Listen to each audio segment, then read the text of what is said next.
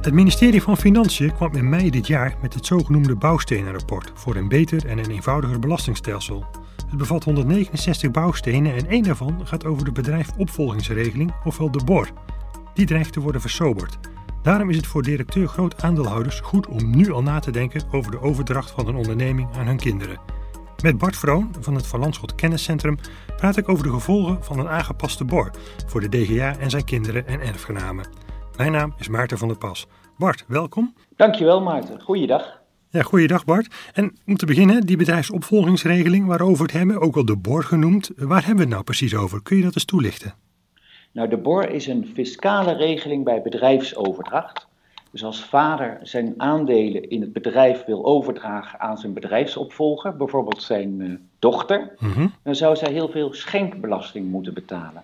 De regeling voorkomt dat zij veel geld aan het, aan het bedrijf moet onttrekken om die belasting te kunnen betalen. En het geldt ook als dochter de, het bedrijf erft van haar vader.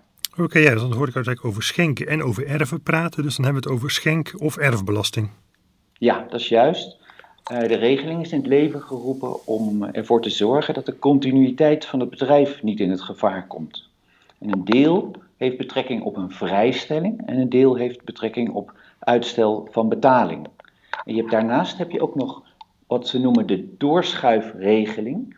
En dan gaat het om uitstel van betaling, terwijl het bij de borg gaat om vrijstelling. Dus als vader zijn Mhm. onderneming schenkt aan dochter, dan zal vader belasting moeten betalen over de waardestijging van zijn aandelen. We hebben het dan over uh, aanmerkelijk belangheffing, box 2 heffing.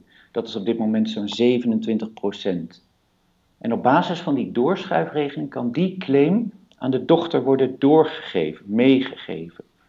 En op die manier kan dan ook uh, de claim tot in het oneindige worden uitgesteld. Want als zij haar bedrijf weer overdraagt aan haar bedrijfsopvolger, dan kan die claim weer worden meegegeven.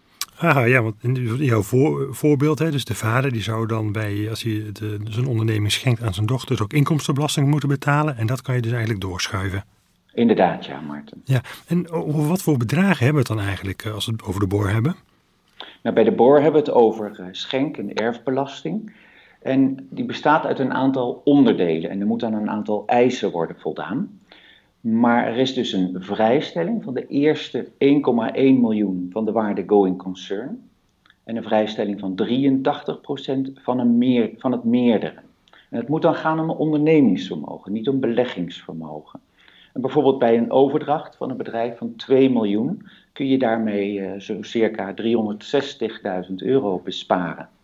Oké, okay, ja, het zijn best wel serieuze bedragen dus waar het in deze regeling uh, over Absoluut, gaat. Ja. ja. En, en, waarom wordt die nou eigenlijk genoemd in dat bouwstenenrapport? Hè? Want dat geeft eigenlijk suggesties hè, om dat belastingstelsel aan te passen. Nou, kennelijk wil men iets met die boor. Uh, wat is de aanleiding? Nou, er is al een hele tijd uh, zijn er geruchten en bestaat de vrees dat die boor zou worden aangepast. Dat die zou worden verlaagd of worden opgeheven. En telkens met Prinsjesdag kijken we of er uh, maatregelen worden aangekondigd, maar tot, tot, tot dusver was dat nog niet het geval.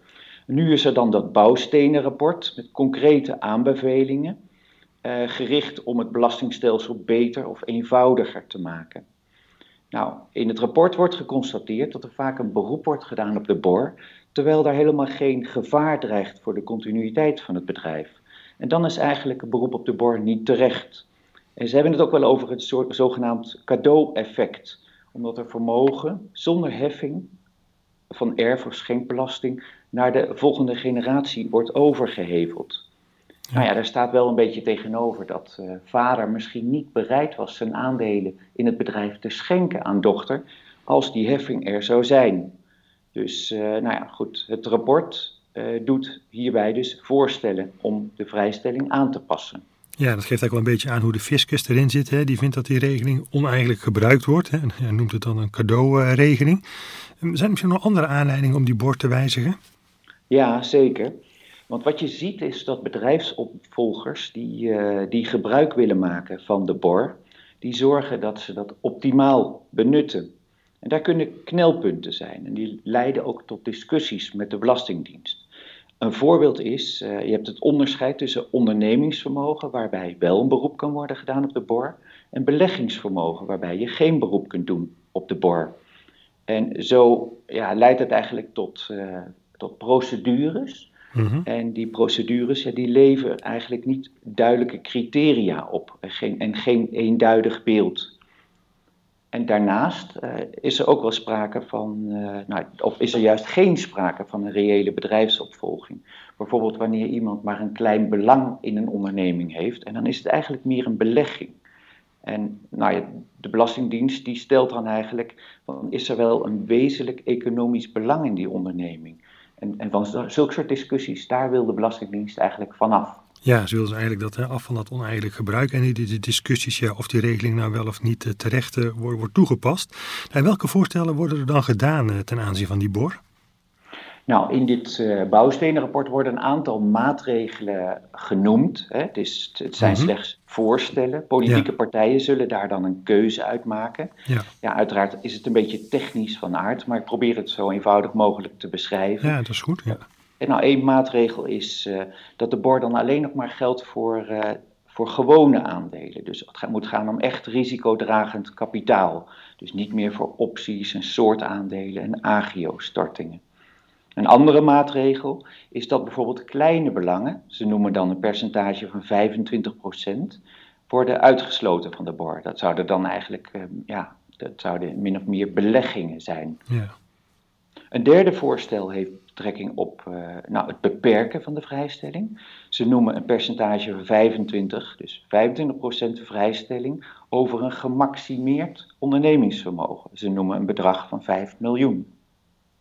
Nou, dan is er nog een vierde voorstel. En dat gaat over die discussie uh, beleggingsvermogen, ondernemingsvermogen en verhuurd beleggingsvastgoed.